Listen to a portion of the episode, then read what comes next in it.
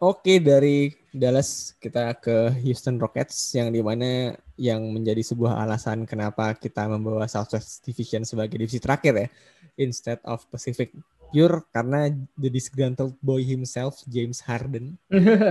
Di mana we're not taking any chances di mana kalau misalnya kita ngomong di awal-awal tiba-tiba gitu kan misalkan jadi trade atau misalkan dengan antics apa pun itu gitu kan jadi kita simpen di belakang-belakang ini as far as we could get lah ya gitu ya nah cuman sebelum apa ya kita spesifik ngomongin Harden karena mungkin apa ya spoiler alert bakal banyak ngomongin Harden cuman uh, terlepas dari Harden sebenarnya masih ada beberapa bisa dibilang hal-hal yang bisa dibahas ya soal Rockets gitu kan. Nah, soal off season mereka nih selain dari Harden gitu ya.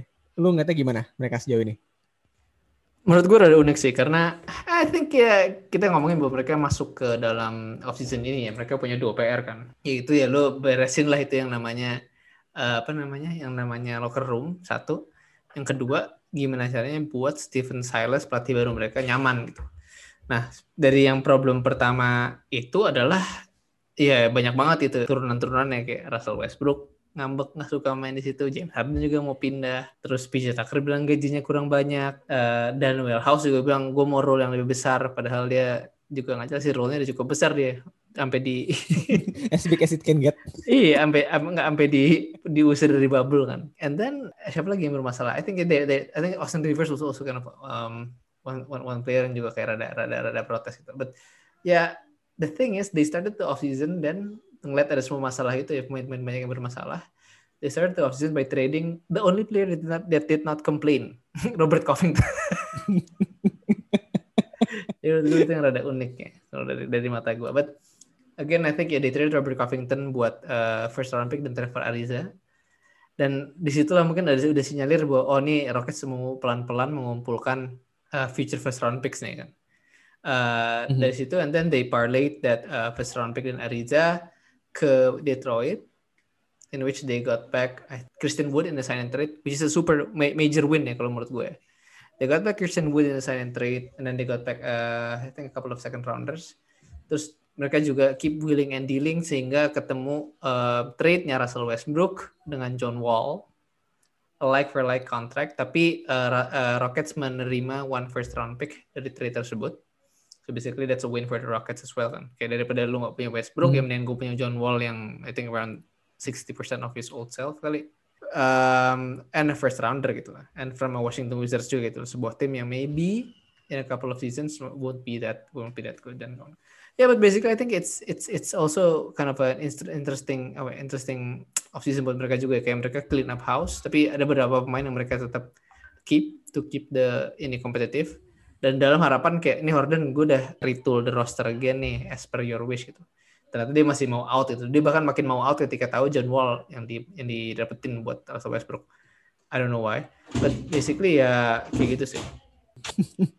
Padahal padahal on paper mestinya Wall sama Harden tuh harusnya jadi bestie sih. Iya sih maksud gue kayak aduh yang satu suka main poker yang satu suka ke strip club gitu. Ya yeah, I don't know man, but I think ya yeah, And then they also signed the Marcus Cousins kan. Kayak I think that's a good signing as well to back up uh, Christian Wood dan kawan-kawan. Oh, basically menurut gue kayak uh, solid moves, but I mean, yeah, is it enough to keep Harden and ternyata enggak kan? Ya yeah, let's see lah, we'll see. And I think this, this offseason is gonna be ya yeah, ditutup dengan where will James Harden go aja. Ya yeah, ya. Yeah. Tapi kalau misalkan ngomongin kita belum belum spesifik ngomongin Harden ya, hmm. karena maksud gue lebih enak ngomongin uh, rosternya dulu gimana gitu kan. Maksud gue pribadi adalah uh, tapi tetap tidak bisa tanpa ngomongin Harden ya. Hmm. In a sense bahwa uh, karena juga basically kan a new whole new front, uh, front office ya, Rafael Stone yang akhirnya gue tahu nama depan ya. Itu Stone Stone Stone doang ya. yang di mana uh, gue ngeliat bahwa Rafael Stone sama Stephen Silas ini kompak ya. Maksudnya adalah kita ngeliat kan gimana Silas uh, he's been handling this Harden situation really well menurut gue pribadi. Uh-huh. Maksudnya uh-huh. adalah uh, dia menunjukkan bahwa gue pelatihnya. Ya, lu ikutin apa mau gue. Uh-huh. Tapi meskipun dalam cara yang halus ya, maksudnya yang sebuah sangat respect adalah tidak memojokkan ya but then again uh, James Harden is still your cornerstone player. Jadi nggak mungkin lo jelek-jelekin juga kan. Karena masih yeah. akan ada masa di mana mungkin dia harus main buat lo Yang di mana kalau misalnya Harden gak mau main buat lo, ya PR lah gitu kan. Lo gak mungkin rely on God knows berapa persen John Wall ya di regular season nanti gitu kan. Nah, yang gue suka itu gitu. tapi setelah ngelihat komposisinya lagi gitu kan seakan-akan memang baik uh, dari Rafael Stone even dari Stephen Silas sendiri ngelihat bahwa mereka juga udah mempersiapkan hidup tanpa Harden sebenarnya yang di mana kayak kalau misalnya lo emang gak mau main ya udah so be it tapi kalau lo nggak ada pun kita masih akan tetap bisa jalan masih uh, bisa tetap kompetitif gitu loh karena dengan datangnya John Wall menurut gue pribadi technically speaking itu ya, certain level ya agak like for like juga sama Westbrook kan maksudnya in terms of uh, gaya main mereka seperti apa, apa yang mereka bawa ke lapangan gitu kan. Kalau di luar lapangan beda lah ya, gitu. Mm-hmm. Karena kita tahu testimoni Westbrook oleh uh, apa namanya former teammates dia sangat bagus, tapi kita belum pernah dengar dari John Wall kan, karena ini pertama kali dia pindah gitu. Tapi dengan adanya John Wall sendiri, menurut gue pribadi, ya yang paling mudah adalah membawa gaya main sedikit ketika pas Westbrook masih di sana kan, yeah, yeah. yang di mana uh, logically speaking uh, apa ya adjustment momennya lebih ke wall instead of the whole uh, rocket steam gitu. Mm -hmm. Jadi yang di mana kayak bisa dibilang to a certain level agak lebih plug and play. Karena yang harus menyesuaikan diri cuma satu pemain doang instead of satu tim kan. Yeah. Jadi gue ngeliat bahwa the situation has been handled really well uh, given the circumstances ya. Maksudnya ya kapan lagi lu punya cornerstone player yang di mana gajinya sama dengan pemain tidak cornerstone player gitu loh. Jadi kayak uh, situasi ini sangat unik dan makanya emang harus dibahas gitu kan. Mm -hmm. nah, cuman yang gue masih masih agak penasaran gitu ya, maksudnya uh, meskipun sebenarnya harusnya kita kelihatan dengan sampel size Harden dan Westbrook main kemarin kan, meskipun ada stipulasi adalah Harden yang pengen datengin Westbrook, jadi yang di mana kasarnya Westbrook pengen apa, Harden akan coba untuk incorporate kan. Yeah. Yeah. Yang di mana kan kasusnya sangat beda dengan eh, datangnya Wall gitu, yang di mana itu di luar kemauannya Harden, yang di mana selama ini the whole front office dari semenjak Harden datang uh, memakai jersey Houston Rockets itu selalu mencoba untuk mengincorporate bagaimana Harden mau kan. Hmm. Dan di mana ini bisa bilang pertama kali Harden akan ditarik secara paksa keluar dari zona nyaman dan dengan uh, apa ya stipulasi bahwa Harden tetap akan stay di Houston ya gitu kan. Maksudnya how it pan out be terkait dengan Wall sama Harden specifically. Kalau dia stay di Houston, that's a big if. I mean, um, it's it's it's unique karena menurut gue um, fitnya bagus sih menurut gue off the court karena mereka jadi bisa party bareng. But basically on the court, I think yeah we haven't actually seen kayak apa ya. Um, the the past two point guards that James Harden played with adalah CP3 sama Russell Westbrook. In which Westbrook tried his hmm. best to accommodate, tapi in the end mungkin sedikit kurang pas. Uh, CP3 as you know is a really really plug and play kan. Nah, Paul menurut gue at this point is um, is in between those Chris Paul and Russell Westbrook ya. Karena kalau kalau misalnya ini kayak John Wall 2014, we can say that this, gonna, this is gonna turn out mirip dengan Russell Westbrook yang kemarin gitu kan. With with a kind of a hmm. change of pace point guard yang kadang-kadang giginya nyangkut gitu loh. Atau kalau misalnya lu sekarang main PS, kalau ngerem kan kotak-kotaknya tuh nggak jalan gitu loh. nggak bisa ngerem dah mas. Oke, ATR satunya nyangkut lah. Itu paling bener. Nah, uh, yang paling benar ya tapi karena sekarang Paul habis cedera and he kind of tries to tone his pace down a bit he cannot rely that much on his phys physicality and his athleticism a certain apa ya blessing in disguise juga buat Wall karena now he learns how to play in a different pace kan dibanding zaman dulu he is kind of really that uh, fast and shifty point guard gitu. and yeah but I don't see Wall being able to play off ball ya mungkin ya mungkin jadi sekarang kalau misalnya Harden stay ya Stephen Silas harus benar-benar bisa maximizing those two minutes ya differently gitu loh benar-benar di stagger full nggak kayak yang kayak Westbrook sama Harden masih dipaksa main bareng gitu. Mm. I think yeah, in terms of kayak Steven Silas kan bringing juga that kind of heavy pick and roll offense dan kawan-kawan kan. Yeah. In which ya yeah, I don't know he's a young coach. I don't know if Harden wants to listen to him gitu loh. I mean so basically I think yeah if if they wanna if they want to force the, those two to play together ya pasti on John Wall harus main off ball gitu. I don't think John Wall wants uh, sorry bukan wants John Wall can play off ball effectively. Yeah. So yeah, it's, it's, it's gonna be a bad fit sih unless they stagger him. Yeah. Karena sebenarnya pertanyaan lanjutannya adalah itu tadi gitu kan. Karena kan eh, James Harden will always want the ball in his hand. Hmm. Ya di mana kalau misalnya kita berkaca ke season lalu gitu kan, kudos to Russell Westbrook karena dia mau untuk ngelakuin itu kan. Basically, tapi common groundnya adalah karena dua orang itu temenan ya. Jadi kayak there will always that uh, boundaries yang di mana bisa bisa lebih di stretch nih gitu kan maksudnya uh, batas toleransinya jauh lebih panjang kan bandingin kalau sama wall gitu mm. karena yang gue ngeliat bahwa itu tadi dengan tools yang wall punya ya yang kita nggak ngelihat bahwa John Wall itu bisa main off the ball kan yang di mana itu akan jadi problem baru juga Nah, tapi kalau misalkan let's say fully staggered gitu.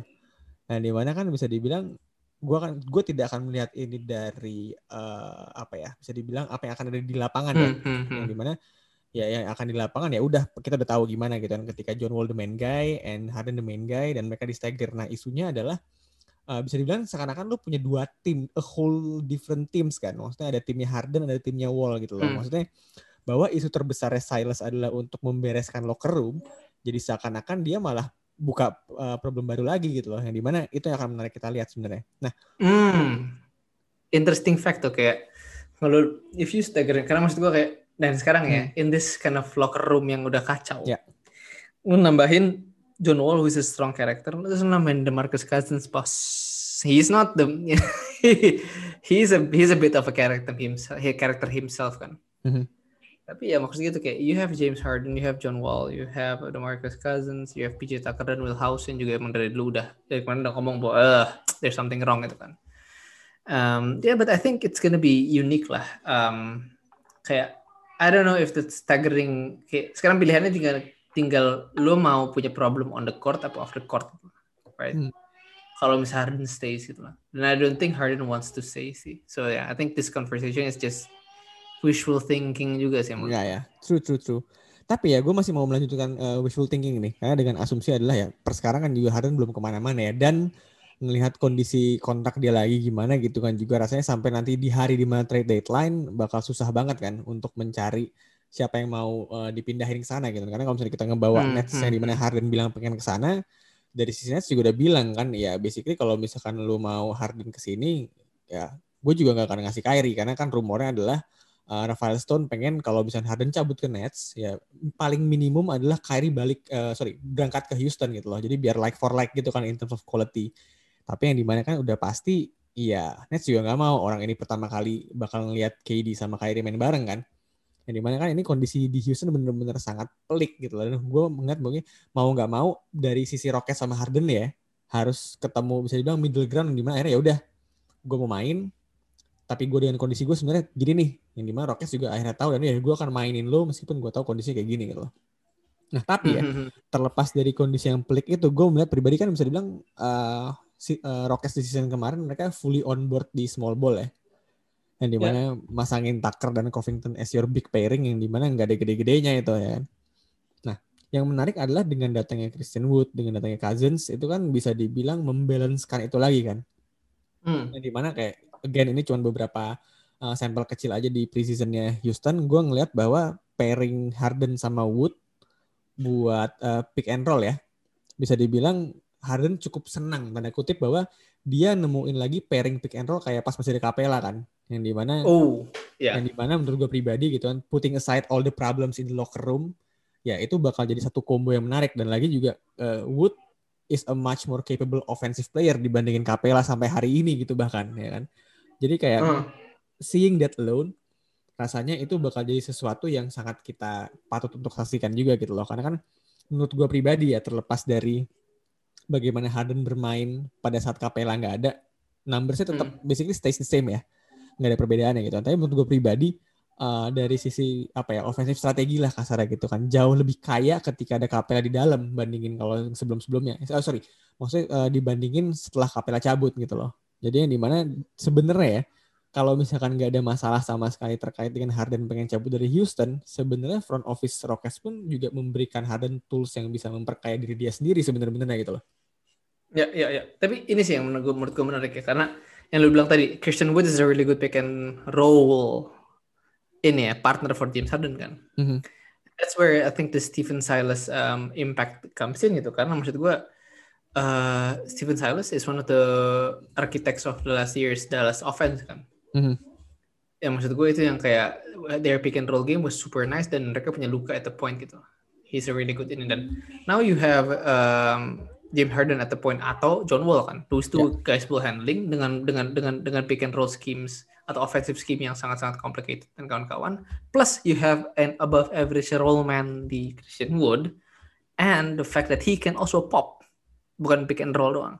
Yeah. That's key karena menurut gue itu yang gue yang disukain adalah you keep the offense go guessing kan, and that's what um, Dallas did last year with Luka and um, Porzingis atau Maxi Kleber as the role uh, as the role slash popman kan as the hmm. as the yang si pick itu itu yang gue sukanya adalah ya wow and now you have this kind of complicated offense which also PJ Tucker can do some some some bit of that role juga kan kayak I mean he can learn how to run but I mean putting Tucker on the corner while you have that kind of threat of roll slash pop from both Christian Wood and DMC mm-hmm. now this offense becomes unguessable karena kalau misalnya waktu dulu Capella kan ya Capella ngepop ya apa ya ayah ayam, ayam pop, pop. lah Aja jelas Doski kan ngepop ya diemin aja ngapain lu situ gitu kan ya kita melawannya kira-kira nggak tahu lu nggak bisa nge-shoot. Iya, iya, iya. But basically now you have Christian Wood, you have the MC who still ternyata masih walaupun kelihatan lebih lebih gede dikit ya.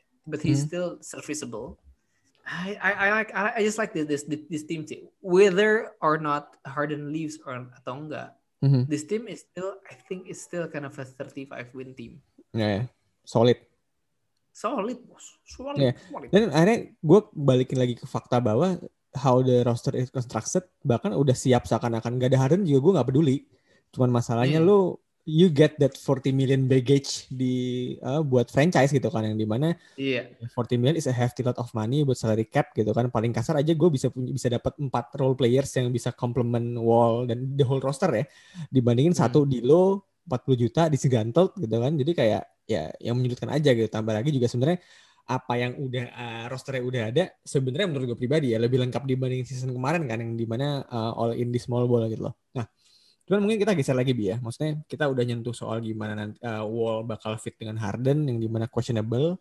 Uh, gimana Harden juga nanti akan fit dengan uh, tim tanda kutip tim barunya ya karena dengan uh, hmm, hmm. bisa dibilang a whole new front office and coaching staffs yang gue cukup menarik adalah ini pertama kalinya akhirnya ya setelah gue lupa empat apa lima season ya gaung di mana uh, Demarcus Cousins akan main bareng John Wall Yoi. temannya dia gitu. Ini teteh kalau misalnya kita ngomongin Rockets biarpun Westbrook udah cabut masih ada tema teman ya masih ada Wall sama Cousins gitu kan. Cuman yo, yo, yo. dari from a basketball perspektif nih yang lucu eh, bukan lucu ya maksudnya gue nggak mau membuat ini sebagai sebuah joke gitu ya maksudnya itu two Achilles buat hmm. akhirnya John Wall sama DeMarcus main bareng kan Achilles Brothers baby, not Splash Brothers. Loh, kan lu kata gak mau ketawa. Ah, iya aduh. ya, yeah. sorry ya guys, gue kadang-kadang selera jokesnya agak-agak edgy ya. Nah, hmm. tapi ngelihat bahwa fakta akhirnya mereka berdua akan main bareng nih gitu ya. Maksudnya dari Wall tadi kita lihat ya. Uh, dari cousin sendiri nih, menurut lu kira-kira gimana nanti fit dia di Rockets B? Um, I think it's it's nice karena menurut gue yang tadi gue bilang uh, he can pick he he can roll he can um, he can pop to the outside to the three point line and he can still play off the post kan I mean Silas is not is not shy on kind of mixing it up dan kawan-kawan and dia bisa facilitate off the post and you have good cutters in Daniel House you have good cutters in Dani, David Nuwaba yang belum kita uh, bahas hmm. and yeah I think basically it's it's it's a really really um, good ini it's a really good uh, apa ya, roster to construct around him juga gitu.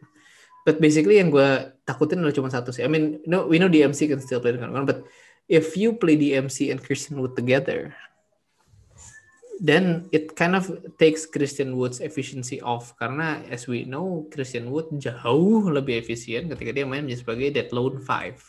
Ya, ya, setuju.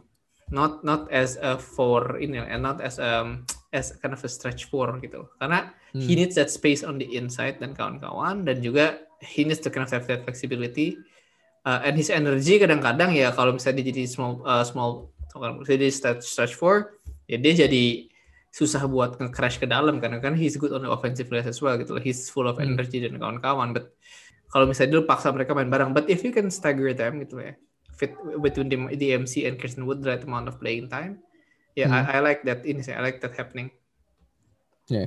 Jadi ada possibility ada empat orang yang di stagger ya. Maksudnya Wall tidak akan main bareng dengan Harden ya dan juga uh, Wood nggak akan main bareng dengan Cousins gitu kan. Meskipun hmm. mungkin gue pengen bawa satu perspektif yang unik ya. What if uh, Cousins yang ditarik keluar? Kenapa? Karena kayak misalkan yang kita tahu kan Cousins is more than a capable ball handler ya. Maksudnya satu hal yang di mana orang banyak overlook dari uh, DeMarcus. Maksudnya adalah ini tapi dan again ini uh, what if scenario ya Maksudnya hmm. menurut lo pribadi gitu ya. Bagaimana kalau misalkan uh, Wood operates di dalam? Ini kita udah udah udah nggak sebut siapa posisi lima siapa posisi empat ya. Yeah, yeah, yeah. Soal nanti positioningnya gimana gitu kan. Tapi fakta bahwa kalau misalkan nanti Wood sudah pasti harus operate di dalam gitu kan karena ya seperti yang kita lihat kemarin di Pistons seperti apa, that's where he is most effective kan. Meskipun uh -huh. emang kasusnya pas di Pistons pada saat dia main di dalam adalah ketika he is the lone five. Tapi ketika dia harus main di empat, dia ada uh, ada instruksi harus keluar kan. Yang di mana tidak se-efektif kalau misalkan dia operating di dalam. Nah, seperti yang kita tahu, Cousins kan bisa dibilang apa ya? Sempat ada masa di mana dia point center kan. Ya, yang di mana ya, ya. dan uh, apa ya? Gue praising Cousins bahwa emang dia ada alasan kenapa disebut point center gitu loh. He's a really good passer satu.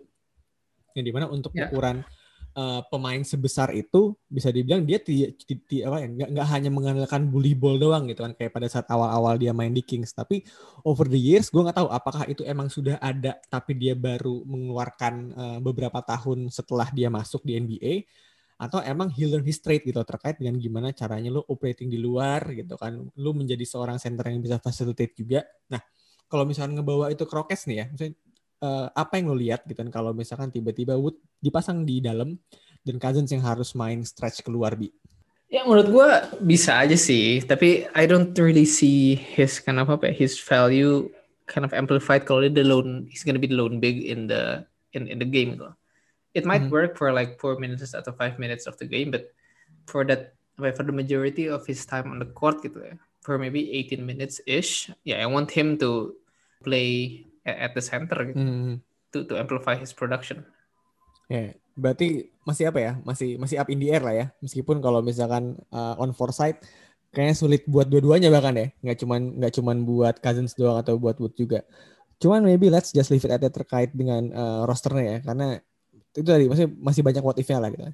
Cuman gue pengen geser nih. Maksudnya, tadi sebenarnya udah sempet nyentuh ya. Maksudnya uh, dengan kondisi hmm. roster mereka yang sekarang sebenarnya masih uh, 35 win team gitu kan. Yang di mana Ya, dan again ketika lo punya James Harden, otomatis floor lo sangat tinggi kan. Nah, cuman yeah. Ya. uh, ini dengan dengan pandangan objektif bahwa uh, let's just say Silas bisa mempertahankan locker roomnya ya. Dalam berarti there will always be that mess, but uh, Silas can organize that well lah gitu kan.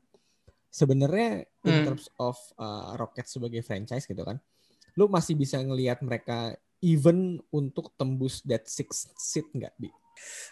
Wait, so if Harden stays or not? Uh, lu bisa sebutin dua-duanya kalau lu mau. If Harden stays, yes. Mm-hmm. 16, yes. But if Harden does not stay, I I I don't see them kayak getting that sixth seed. But they might be able to sneak into the play-in ya. Tapi mereka harus again bertarung dengan ini gue ulang berkali-kali sih. Mereka harus bertarung dengan the likes of Memphis, New Orleans, Denver to a certain extent, and San Antonio. Dan menurut gue itu ya that's just kind of a, a tough battle aja. Dan dengan one of your two of your best players nah sorry yeah, two of your best players coming off Achilles injuries which they will need to rest ya yeah, I don't see them kayak claiming that that play in spot bahkan. Hmm. ya ya. Karena sebenarnya tadi ya maksud gue adalah uh, bahkan dengan kondisi yang bisa dibilang uh, cukup berantakan ya di locker room ya tetap uh, the fact that Harden alone mm -hmm. ya itu bisa dibilang it warrants uh, Rockets a six seat menurut gue pribadi ya makanya gue coba coba pengen cek dengan lo apakah angle sama atau enggak gitu tapi ya kalau misalkan emang uh, let's just say Harden cabut untuk siapa pun itu ya ya bisa dibilang sih gue juga ngeliat bahwa ya at best ya seven or eight seat gitu loh karena mm-hmm. again gitu Harden se sehebat itu jadi di mana dengan kapasitas Harden sendiri aja bisa dibilang a playoff spot is already guaranteed buat Rockets. Yeah, yeah. Cuman mungkin kita lihat nanti aja ya karena masih terlalu banyak what if-nya ya. Maksudnya mungkin Harden cabut, mungkin Harden nggak cabut gitu ya. Nah, tapi mungkin kita bisa geser ke aspek yang sedikit lebih pasti kali ya. Maksudnya uh, terkait dengan uh, komposisi roster, terkait dengan salary structure mereka kan sudah jauh lebih pasti nih. Hmm. Terlepas dari kondisi mereka sekarang gitu kan. Nah, beberapa tahun ke depan gitu kan over the few next year lu ngelihat Rockets sebagai franchise gimana bi? Uh, uh, they're they're a mess right now ya, and I don't see them kayak changing the next future. Tapi maksud gue kayak karena you've just traded Russell Westbrook with John Wall. Maybe kalau dia nggak nggak ngubah cara mainnya, he's gonna yeah, he's gonna struggle gitu kan. And he's 30 gitu A 30 year old point guard who depends on his athleticism and speed for most of his career coming out of an Achilles injury. Yeah, I'm sorry to say that I want John Wall to succeed, but unless he changes the way he approaches the game, it's gonna be tough. He might still be flashy dan kawan-kawan, but akankah itu efektif gitu? Akankah itu efisien? Dipertanyakan. And if then and then you kind of have that uh, Eric Gordon is still signed until 2023 2024 Yeah, but uh, other than that, ya yeah, PJ Tucker tahun depan habis dan Millhouse still has two years remaining. Marcus Cousins is another one year deal. So basically, besides those kind of three players, ya yang lain masih inilah masih nggak terlalu problematic. And Christian Wood is a good player, masih 25 tahun, so I don't count him as a problem. But those three problems ya, you need to sort out dulu. Either you get Stephen Silas to kind of uh, work with John Wall. If that succeeds, ya lu harus trade James Harden kan either this year atau next year before that player option kicks in di 2022 which dia bisa pergi dengan mudah. Ya lu bisa nge-trade nge-trade James Harden for assets yang, yang, yang mereka mau gitu yang assets plus first round picks. Karena opsinya adalah itu lu dia minta either Ben Simmons dan kawan-kawan kan atau mereka minta kayak Spencer Dinwiddie, um, Kevin LeVert atau Ryan Prince and first round picks juga. Dan I think that's that's gonna be apa it's gonna be hard to to apa to get by ya. Dan maksud gue the, the best way menurut gue mereka dapetin adalah ya it's a three team trade gitu loh. The, the, the, dia ke tim yang udah punya superstar, superstar dibalikin plus a lot of uh, revolving pieces dari other team itu either, either those picks atau apa gitu. karena yang tadi kita bilang juga Rockets tahun ini mereka mulai dengan shipping out Covington for a first round pick yang mereka parlay buat future first round pick dan Westbrook juga dapat first round pick from the trade and now they they, they want those first round picks untuk nge-replenish stok yang mereka habisin buat datengin Westbrook tahun lalu. But yeah, I mean it's it's it's it's murky lah. Eh, mau mau diterawang gimana juga, I think it all depends on James Harden number one. And the situation is not looking good ya karena ya semua orang tahu leverage-nya Rockets kecil gitu kan James Harden udah mau mau keluar gitu dan bahkan sekarang James Harden sampai harus bilang kayak ya udah trade me anywhere besides um, eh trade me anywhere uh, karena gue nggak harus uh, mastiin gue tadi kan dia maunya ke Brooklyn atau ke Sixers kan. Ya sekarang mereka dia bilang kayak ya, basically bahkan Knicks juga sempat ada diskusi gitu maksud gue trading RJ Barrett. Bayangin you lose James Harden for RJ Barrett man I mean Ya, no, RJ Barrett plus plus sih, tapi tetap, tetap aja. Tetap aja, bro. Maksud gue kayak dia minta kayak yang blue chip players, kayak RJ is not a blue chip player sih. Uh, is, is he even a chip player? Potato chips.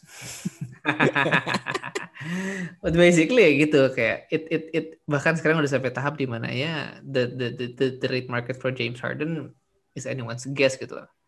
And then Eric hmm. Gordon again lu lu lu lu ngeliat bahwa ya he's oft injured gitu. Yang pasti dari Gordon adalah ya dia he can shoot some threes and he's always injured for 10 games to 15 games a year gitu. Iya iya iya nggak boleh kamu udah masuk tapi kamu ngomong ini uh, basically kayak gitu sih jadi ya menurut gue ya yeah, it's gonna be it's gonna be unique lah Eric Gordon, James Harden, John Wall, those names. I mean, who would have thought that they're gonna be a problem for Rockets ya? Karena I, honestly, gue kira ya kita nggak tahu sih, maksud gue kayak they're pinning their eight, last eight years James Harden banget kan itu lah. Bahkan hmm kendali firing and hiring uh, staff, coaches and players, dia pasti konsultnya ke James Harden itu. True, Dan sekarang setelah lu ditinggal Daryl Morey, ini juga kita kita nggak bahas sih. Setelah lu ditinggal Daryl Morey itu kayak kayak kapal kehilangan kapten kan. Mm-hmm. Kayak dari Daryl Morey di situ ya. I mean this is kind of an overlooked fact menurut gua. The Rockets were only second to Spurs in winning percentage, right? Yeah. Dia cuma nggak masuk playoff sekali nih kalau nggak salah, atau dua kali lupa. Mm but they they almost almost um, selalu ada di atas 500 uh, rekornya. And that's that's amazing loh how you can maintain that um, apa ya that record di atas 500 bahkan sebelum dia punya ini sebelum dia punya James Harden kan. Yeah, yeah. So basically yeah it's it's it's just I mean I mean amazing how how how Daryl Morey's impact on on Houston Rockets ya. Bahkan kalau bisa gue bilang ya sebenarnya I think Daryl Morey save bukan save kayak made James Harden career to what it is gitu loh. Maybe James Harden wouldn't have this much good of a career gitu loh ya. This good of a uh, this this apa ya? Maybe James Harden won't have this type of career trajectory kalau bukan Daryl Morey yang jadi GM-nya hmm. pada saat itu gitu. Karena bisa aja kayak ya without the 3 and D approach gitu. James Harden bisa aja main iso ball terus terus kayak Kyrie gitu. Keep taking that mid range jumpers dan kawan-kawan kan. Yeah. Which which is not wrong gitu lah. Kalau lu bisa if you can hit them, it's effective. But I mean that that Daryl Morey benar-benar introduce the 3 and D approach kayak quote unquote the Pareto rule to basketball. And then ya sekarang ya lu lihat lah I mean the way ya mungkin ini juga ini sih kayak some, sometimes I wish that Daryl Morey didn't do this sih karena ya yeah, there's there's a oh, apa overemphasis of three pointers juga jadinya kan yeah. dan kawan-kawan and I think ya ya lu ya ini rada-rada kita mengulang mengulang Albert Einstein lagi sih di mana you're crazy if you do some things the same over and over again but you expected a different result gitu loh ya yeah. ya gitulah pokoknya jadi sebenarnya angle-nya bahwa gini ya, maksudnya sejauh ini lihat kan adalah bahwa kayak Harden is the piece dan yang salah adalah piece-piece lainnya kan. Cuman sebenarnya apa ya, setelah dilihat ya, again hindsight is always 2020 ya, bahkan kalau misalkan dibilang 40-20, 40-20, karena kita ngebahas udah lewat ya. Isunya sebenarnya di Harden gitu loh. Dan basically sebenarnya salah satu alasan kenapa Daryl Morey cabut, dia mau cuci tangan kan. Kayak, anjir nih, gue udah, I've been feeding the monster in the name of James Harden for quite some time. Dan ternyata ya kasarnya lebih banyak bawa mudaratnya gitu loh daripada bawa berkahnya buat hmm. roket sebener-bener ya. benar, benar, benar, benar. Tapi ya, I mean, it made the Rockets interesting sih. Kayak mereka, uh, ya mereka nggak pernah jadi villain gitu loh sebelumnya kan. But yeah. now there's ini sih. Villain kayaknya Harden doang deh. Karena maksudnya apa ya? Menurut gue ini kalau misalkan ada tim PR Harden, mereka juga pasti pasti ini orang ngapain sih gitu kan, malah ngejelek-jelekin uh, Harden sendiri sebagai seorang uh, sebagai persona ya. Tapi yang menarik adalah sebenarnya angle yang pengen gue bawa adalah tadi sebenarnya lo udah juga sempat sebut ya, maksudnya dengan apa yang ada kondisi di Rocket sekarang menunjukkan bahwa seorang Daryl Morey itu sangat luar biasa gitu kan. Not only he does things differently by using that analytical approach, tapi ternyata Daryl Morey itu bisa menjenakkan seorang James Harden yang di mana nggak ada Daryl Morey hanya dalam waktu beberapa saat saja kelihatan Harden aslinya gimana kan? Mm-hmm. yang di mana mungkin buat feeling in feeling in sedikit gitu ya basically uh, gue dari awal bukan orang yang suka dengan James Harden. Kenapa? Karena basically the way he got into Rockets uh, in the first place adalah karena dia mau role yang lebih kan? Yeah. yang di mana pada saat itu mungkin tidak salah gitu tapi setelah dia sampai di Rockets yang ini di mana gue akan bilang ya salahnya Mori adalah karena dia selalu menyuapi itu gitu loh bahwa Harden lu pemainnya sangat bagus ya you are the cornerstone player of the franchise you can bring anything back to the city of Houston yang di mana akhirnya Harden mistik di mana kayak ya gue emang paling besar paling hebat gitu loh. Yang di mana ternyata kan bukan ya. Dan kalaupun dia iya pun ya. Tapi uh, Rocket sebagai sebuah franchise sebenarnya ya kalau misalkan kita ngeliat dari faktor championships dan uh, eh, NBA Finals doang ya ya sebenarnya mereka belum nyampe sana sama sekali kan. hmm, hmm, hmm. which sayang sih menurut gue kayak they were that close loh menurut gue last year. They were that yeah. close. Tapi again, I mean ya, yeah, it's just the fact that yang mungkin yang kita sudah lihat adalah flexibility is key gitu kan. And when you've doubled mm. down on the way you play with the 3 and D, with the uh, small ball approach dengan three points and layups only approach, ya mungkin di saat yang kayak waktu, ya mungkin benar-benar kayak di saat your three pointer are not falling ya. Seperti yang dialami mereka di game 7 melawan Golden State. Ya lu nggak bisa ngapa-ngapain gitu kan. But imagine if you had kayak a mid range scorer di situ and ya berarti dia bisa aja kan that he can he can be that safety valve gitu and that's yeah. ah, menurut gue sayang di situ sih. Yeah. lu ada yang mau tambahin lagi bi? Udah coba panjang kayaknya bos. Tapi ya again sih ke gue sekarang mau tanya ke lo, where would you want to see Harden land if you can pick two franchises yang menurut lo gue pengen banget di sini gitu. Hmm. Ke mana pun hmm, itu ya? Ke mana pun, regardless of the uh, trade package. Tapi ya masuk akal ya, I mean not yeah, like yeah. yeah. Uh, pertanyaan lo sebenarnya sangat bagus karena gue sebenarnya ada yang gue kepikiran satu sih nggak bisa hmm. sebut dua ya. Gue sebenarnya sangat pengen lihat Harden balik ke OKC. Uh. Kenapa?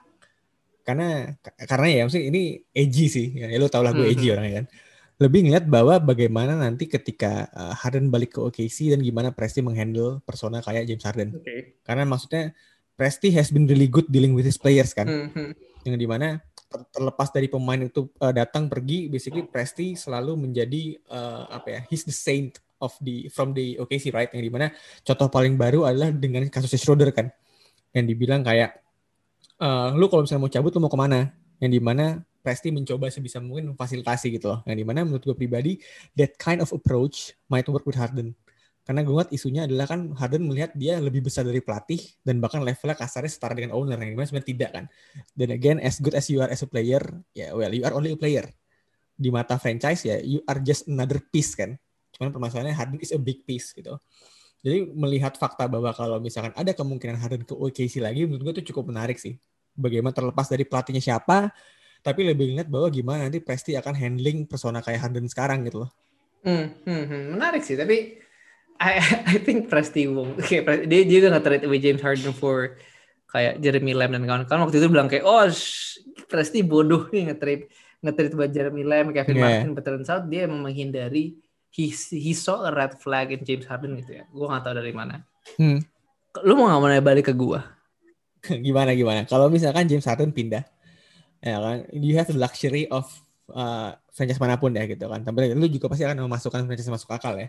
Baik dari sisi basketball perspektif maupun financial perspektif hmm. gitu kan. Lu akan pilih mana bi? Kings nggak deng gue pengen tahu ada ketemu Vivek gitu oh. No no. Um, I would like to see him jujur ya in in in Philadelphia sih karena I, oh, karena baik dengan Daryl Morey lagi ya? Iya karena maksud gue gue pengen lihat. Karena sekarang lu punya kalau lu bisa treat gue gak ngerti ya, if why kalau lu bisa nge-trade Ben Simmons ke Houston for James Harden and yeah maybe you sacrifice your kind of uh, couple of years of worth of first round picks uh, menurut gue wow it's it's crazy aja sih gitu loh. I would karena yeah. yang tadi kita bilang lu punya decent enough shooters lu punya Tobias juga di situ lu punya Joel Embiid. Those two can be your apa ya safety valve yang kita, kita bilang gitu loh ketika lo three point mm -hmm. the three point shots are not falling ya yeah, those two can can bail you out but oke okay lah yeah. yeah. Interesting. Fair enough, fair enough. Tapi gue akan membawa angle yang sama kayak lo tadi omongin ke gue sih gitu kan. Daryl Morey kan rasanya cabut dari Houston in the first place karena pengen kabur dari Harden kan. Maksudnya kenapa gue berani bilang gini? Fakta bahwa uh, Morey kan tidak bisa memindahkan Harden dengan kontraknya sebesar itu ya. Mm-hmm. Di mana nggak ada shootersnya kan. Cuman angle-nya ini adalah bahwa karena gue tidak bisa, I cannot ship you out ya udah gue yang cabut gitu kan. Dengan yeah, yeah, yeah. uh, waktu itu Murray sugar coating adalah gue mau take a break at least satu tahun kan dari uh, dunia basket gitu kan. Tapi kan seperti yang kita tahu nggak gitu kasusnya kan. Hmm. hanya dalam waktu beberapa minggu deh kalau nggak salah ya gue lupa gitu kan. Nah, akhirnya dia berangkat ke Philadelphia gitu loh. Itu kan menurut gue pribadi ya uh, itu nggak nggak seobvious itu tapi menunjukkan bahwa sebenarnya Murray juga had enough of Harden gitu loh in the first place. Jadi kayaknya why would he trade down for Harden lagi gitu loh Cuman sebenarnya angle-nya menarik sih. Yang di mana kalau misalkan Harden berangkat ke Philly, karena bareng dengan Murray lagi, Murray tahu Murray bisa excel dari uh, statistical conundrumnya buat di Harden juga dan Sixers juga, ya good fit lah. Dan lagi juga kalau misalkan ngomong kasar, ya again di uh, apa namanya the prospect of seeing Harden and Embiid pick and roll combo, pick and pop combo menurut gue sangat seksi sih. Hmm, hmm, hmm, hmm, itu menarik banget kan. Tapi ya can you can you handle the ini aja sih, the drama of the court. Satu tukang nangis, satu tukang ini yang jelas lah.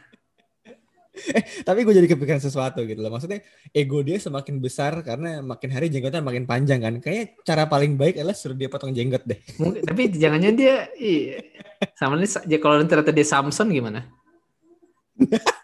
Dipotong jenggotnya hilang gitu nggak bisa main. Mojo, mojonya hilang. Mojonya hilang susah. Ya ya ya tapi ada satu yang karena kita bisa bilang ngomongnya cukup lebar ya. Satu yang pengen gue lihat sebenarnya dari Rocket sebenarnya bukan dari sisi bagaimana mereka akan bermain, bukan bagaimana nanti uh, apa namanya dramanya Harden ya mungkin agak agak berhubungan sedikit ya. Tapi nanti bagaimana Rafael Stone hmm. sebagai GM yang baru karena ya it's not an easy fit. Yang pertama lu sukses uh, apa sebagai suksesor dari Daryl Morey. Yang kedua ada lu diwariskan dengan a hell of mess of a franchise gitu loh. Hmm, hmm, hmm, yang di mana uh, number one franchise player lo aja sekarang isunya kayak gini. Gue lebih tertarik ngeliat bagaimana nanti at the end of the season bagaimana Rafaelson akan mengcater semua and how it will pan out dari sisi Rockets bukan terlepas dari apakah mereka masuk playoffs apa enggak, apakah masuk mereka masuk play-in apa enggak, tapi sebagai sebuah franchise rosternya ini apakah bisa kembali lagi gitu loh, terlepas dari nanti langkah apa aja yang akan diambil sama Rafael Stone. Jadi mungkin buat Rockets itu aja kali ya. Maksudnya terlalu banyak boundaries yang nggak kita nggak tahu boundaries yang bisa disentuh atau enggak. Tapi yang pasti akan menarik adalah satu bagaimana ngelihat uh, dinamika locker room Rockets gimana, bagaimana nanti Harden Wall kalau mereka main bareng. Nah dan lagi yang terakhir kayak tadi gue bilang adalah bagaimana Rafael Stone uh, menghandle dari sisi uh, dia sebagai GM ya gitu. Nah abis dari sini gue mesti angkat jemuran ya karena gitu? uh, ada beberapa hal yang harus gue lakuin. Tapi Abi abis ini akan berangkat ke kota lain dan akan ditemenin Valdi. Valdi udah nungguin di sana. Jadi abis ini kalian akan berangkat ke Memphis. Memphis barbecue, baby. Let's go.